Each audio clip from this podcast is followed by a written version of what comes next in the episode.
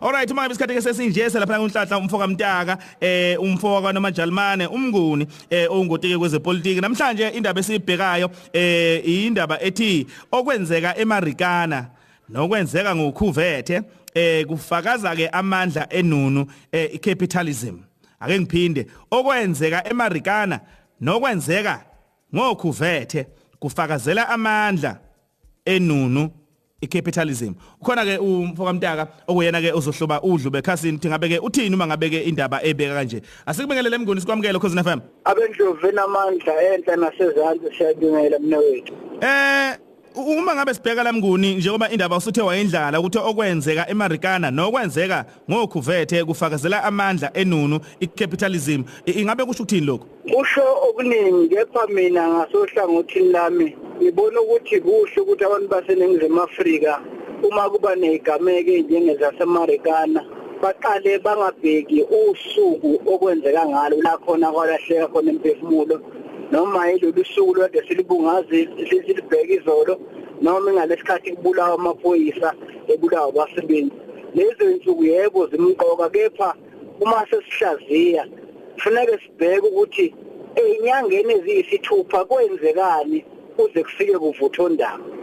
Uma sibheka ubuka ngisho umbiko lo wekhomishana uzwa nabantu bekhuluma uyabona ukuthi into yayiqhatha abasebenzi ngoba nayo into emqoka ukuqala ngqa eMarikana sabona ukuhlukana phakathi kwabasebenzi beqhathwa inunu osozimali ngoba iNUM ekanye nenhlangano ezazikhona eh ngaleso sikhathi okuyiAMCO zixabene kuze kube namhlanje ngenxa yabantu bemali ababaqhatha benza abasebenzi izwe labo langaba namandla benza baxabana benza baphakanyelwa imimoya benza babulalana. Ngoba nalabasebenzi ababulawa beyamaphoyisa bangabasebenzi egcineni kodwa babulawa abanye abasebenzi. Umbuzo ukuthi kwakwenze njani? Ingenxa inunu icapitalism. Okwesibili akekho obuza ukuthi njengoba sibe usikhuluma nje nosopolitiki besibuza ukuthi eh sekusibungaza okwenzeka eMarikana uma bengakhokhelwe abafelokazi bakhokhelwe yini abameli?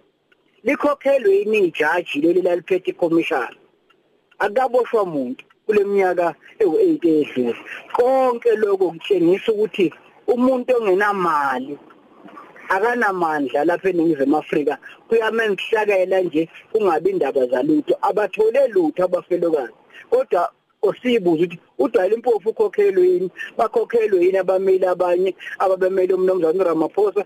Bakhokhelwe yini amajaji? Bona abameli abameli inkampani bakhokhelwe yini? Ngineqiniso ukuthi iningi labo likhokhelwe kodwa abantu isehlakalo senzeka kubo abakhokhelwa namhlanje basahambe bekhala basahambe ebebuza ukuthi imiphi iminyanga abangongoza kuyo. Amandla enunuke lawo ikwazi ukuthi yenze iphutha iphinde ilungisele yona uqhubeke ngathi akwenzeke lutho. Mengibuya lapha ukuvele ngiyazi abantu abaningi baneme sekuthiwa siya ku level 2 inunu kuyakwazi ukwenza ucabanga ukuthi yonke into eyenziwayo yenzelwa wena kanti eqinisweni yenzelwa abalikazi benunu ngamafuphi abantu abakhulume kwezwakala baye enkantolo abantu beyimali. Abasho ukuthi benzela wena cha benzela bona babona ukuthi umgodla wabo uyancipha buya wena uzosebenza uze umgodla wabo ukwazi ukuqhubeka enokuphakama yebo wena uzohola lawo lawo makinati lawo waholayo nawe ucabanga ukuthi kuhle konke. Kodwa iqiniso lithi umlikazi wenunu wenzela ukuthi imali yakhe isukume elinjengoba sithe uguqa nje okwesibili yena useyivikele ngayo yonke indlela ukuthi uma lesifo siqhamuka singamtholi uyazi ukuthi uma ngase athi khwehle khwehlela uzogijima ayiphi nithi ke kubantu bakithi kumqoko ukuthi uma sihlaziya izimo ezenzeka ezweni singaze sixabane. Njengoba kuxatshene nje eMarikane kuyathukwana kuyasolwana ukuthi ubani wenzani kodwa umuntu owabakhatha kuyinono yena umsulo. Asoqaphela ukuthi njalo thina bohlanga kuyokwenzeka izimo sixabane sizondane iminyaka kodwa labo bantu abasiqhathayo bona baqhubeke baphile kuze kube yibo ababhala incwadi ngezehlo abazidala bona ngoba thina bantu esebelwa asisakwazi nokuxoxa asisakwazi eh, nokubuyisana. Amandla ke enenu lawo ngifisa ukuvala ngemarekani. Ungani wena lapha ekhaya ukuthi kuwenzeke wenzele ukuthize uthi ubiza amaphoyisa kuthiwa wega eKivini kodwa emarikana ngoba kuyovikela inunu. Kwaqhamuka ngisho eh, i- i- indize inophephelo omhlanje ziyovikela amandla enunu amaphoyisa onke ayephile lapha yana kwaqatshanwa kwasekuba nesibhicongo lesikhona yini na? Kungenxa yenunu abantu abangakhohlwa ukuthi sila sikhona ngenxa yenunu yebo kungenzeka bese singaboni ngasolinye sigxeka ungqongqoshe wezempilo sigxoka o premier sigxeka obani?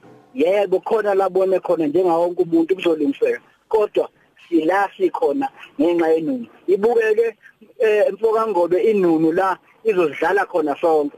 Yabona nje bese kuthiwa sekufuna ikhambi nje?